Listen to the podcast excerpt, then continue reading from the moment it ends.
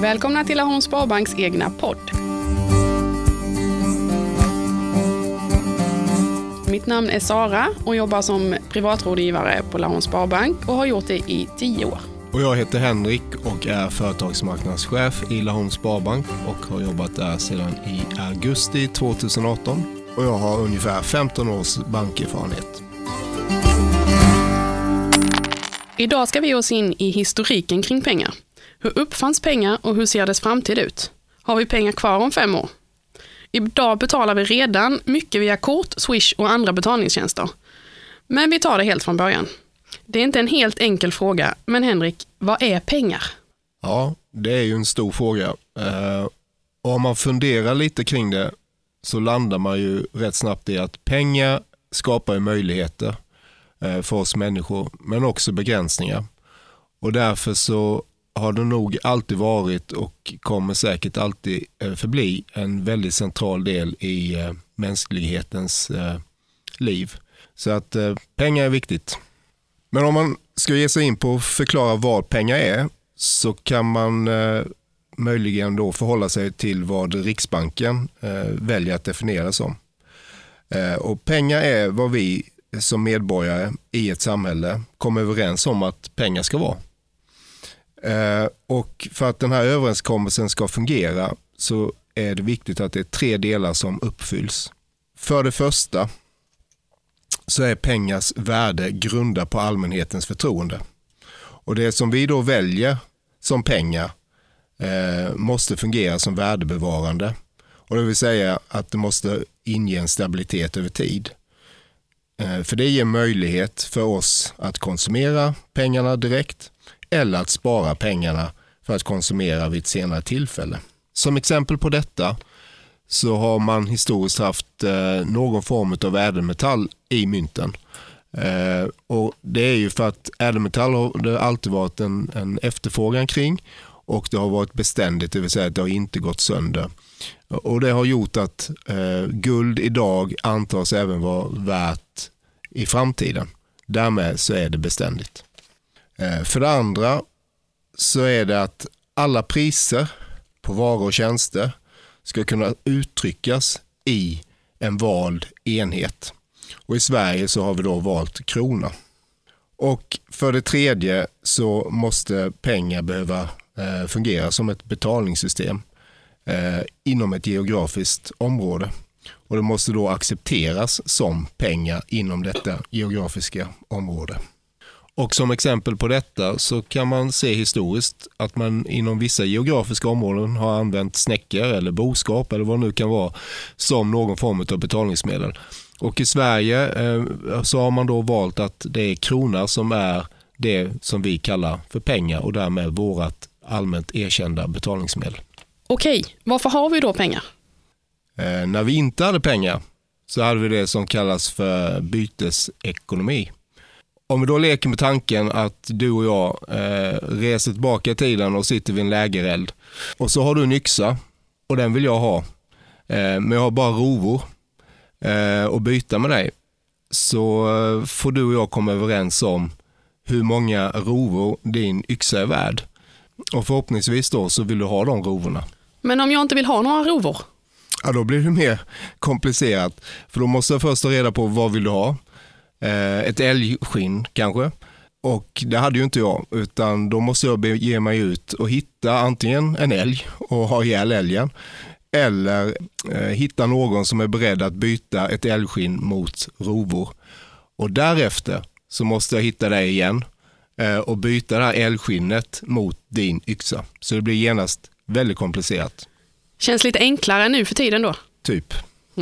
Och det är det som är pengarnas stora fördel. Och då kan man säga att för ungefär 5000 år sedan, någonstans i Mesopotamien, dagens Iran, så uppstod eh, en form av tankerevolution där man eh, valde att eh, börja använda ett standardmått i silver som någon form av värde på saker och ting. Och då började man översätta rovor, yxor, älgskinn, vad det nu kan vara, till just mängden av detta standardiserade mått. Sen ungefär 650 år före Kristus i dagens Turkiet så började man använda det som är de första kända mynten. Och Det som symboliserar det är att det är en eh, standardiserad mängd av eh, guld eller silver och att det då var präglat på de här föremålen vem det var som var utgivare och mängden ädelmetall. Så det är de, det är de första kända mynten och därmed då det vi kallar för pengar idag. Vad skulle du säga säkerställer pengarnas värde idag? Det är ju, eh, till att börja med så är det förtroende. Eh, för att det som har skett genom historien är att man har ersatt mängden guld eller silver till att idag egentligen endast då garanteras av en stat. Så att säkerheten för pengar är de facto statens ekonomi. Och det märker man när du har länder där eh, av någon anledning förtroendet för statens möjligheter att reda ut sin ekonomi faller. Så faller även värdet för pengarna snabbt. När det gäller sedlarnas historia så eh, kan man säga att Europas första sedel uppstod i Sverige. Och Det var eh, för att eh, man hade ersatt Eh, silver och guld till koppar eh, beroende på olika anledningar. Och koppar var inte alls lika mycket värt som silver, vilket gjorde att kopparmynten i Sverige vägde väldigt, väldigt mycket. Så att man var, det, det blev en fysisk begränsning när det gällde att göra affärer. För ett mynt kunde väga upp mot 16 kilo. Så då kom man på idén att man skrev ut någon form av sedel eller revers som bevis på att på banken så hade man eh, x antal mynt och så tog, med, tog man med sig en papperslapp som då intygade vid affären att mottagaren av den här sedeln kunde gå till banken och få ut eh, motsvarande eh, kopparmynt. Och som vid flera tillfällen tidigare och därefter så är man kreativ. Så att banken kom på idén att mot samma kopparmynt så kunde man ge ut flera sedlar. Vilket fungerade väldigt bra en period men vid senare tillfällen när man då eh, började lösa in de här kopparmynten så fanns det inte tillräcklig täckning och banken, Sveriges första, gick i konkurs. Ur ruinerna av den banken så uppstod Sveriges riksbank 1668 och det är faktiskt världens äldsta riksbank. Ser systemet likadant ut idag som det gjorde förr? Ja, eh, man kan fortsätta med sedens historia då för att utifrån problemen eh, som hade uppstått med eh, eh, värde på detta papper så fanns det ett återkommande misstroende. Men man insåg också betydelsen av att ha en sedel för det förenklade handeln. Så på 1800-talet så valde Englands riksbank att eh, koppla eh, deras pund till en förutbestämd mängd guld. Vilket gjorde att hade du eh, ett pund så kunde du gå till en bank och eh, växla till dig då denna mängd guld. Och Det systemet levde kvar eh, fram till första världskriget då eh, stora delar av de stora nationerna hade tömt sina guldreserver och var tvungna att släppa den kopplingen. Däremot så hade man kvar systemet i USA fram till tidigt 70-tal, vilket gjorde att övriga nationer valde att koppla sina eh, valutor till dollarn. Och På så sätt så var man indirekt kopplad då till guldet. Eh, men därefter så har eh, staterna runt om i världen släppt det och ett papper, en sedel, är idag ett papper. Men det som garanterar dess värde det är egentligen staten som står som utgivare för sedeln. Hur skapas pengar? Ja, dels så är det centralbanker. Eh, I Sverige så är det Riksbanken och sen så är det banker som eh, faktiskt skapar pengar. Eh, när det gäller centralbanken så är det så att i Sverige så är det Riksbanken som har enligt lag ansvaret för att ge ut nya sedlar och mynt. Och man har även möjligheten då att låna ut pengar till banker. Och eftersom det är en statlig peng så är det en säker peng. När det gäller de privata bankerna så eh, kan det vara lite mer komplicerat att förklara men eh, i stort så finns det regleringar på hur mycket kapital som en bank måste ha och eh, i relation till det hur mycket pengar en bank då får låna ut.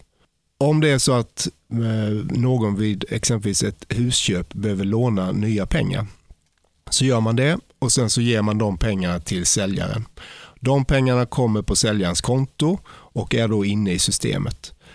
Eh, varje gång som ett, eh, ett lån därefter amorteras så minskar ju faktiskt den mängden pengar. Sen ska man då säga att, eh, att pengarna är ju pengar, men de är något mindre säkra eh, jämfört med de statliga pengarna. Men det finns en insättningsgaranti eh, i Sverige upp till ett visst belopp, vilket då skapar en trygghet och stabilitet för bankpengar. En naturlig följdfråga på detta blir ju då såklart, hur mycket pengar finns det i systemet? Vi som mänsklighet vi växer och saker blir dyrare så att behovet av pengar ökar. Däremot så är det så att fysiska andelen pengar i förhållande till totala mängden pengar, alltså sedlar och mynt i förhållande till antalet pengar, den minskar successivt. Och den här utvecklingen, den har du ju bra koll på Sara. Absolut. Om vi ser på hur det ser ut idag så sker ungefär 70 procent av alla betalningar idag med kort. Och i vissa branscher är det i princip över 95 procent av alla betalningar som sker med kort. Det finns de branscher som idag inte tar emot kontanter för att kostnaderna redan är för stora. Och såklart så minskar rånrisken ordentligt om man inte tar några kontanter överhuvudtaget. För ett par år sedan kom Swish Eh, vilket är ett samarbete mellan flera banker som går ut på att du via din telefon kan swisha över pengar till en annan person via dess mobilnummer som är kopplat till ditt konto. Det blev en stor succé och det fortsätter öka hela tiden. Bara i februari 2019 swishades det över 33 miljoner gånger.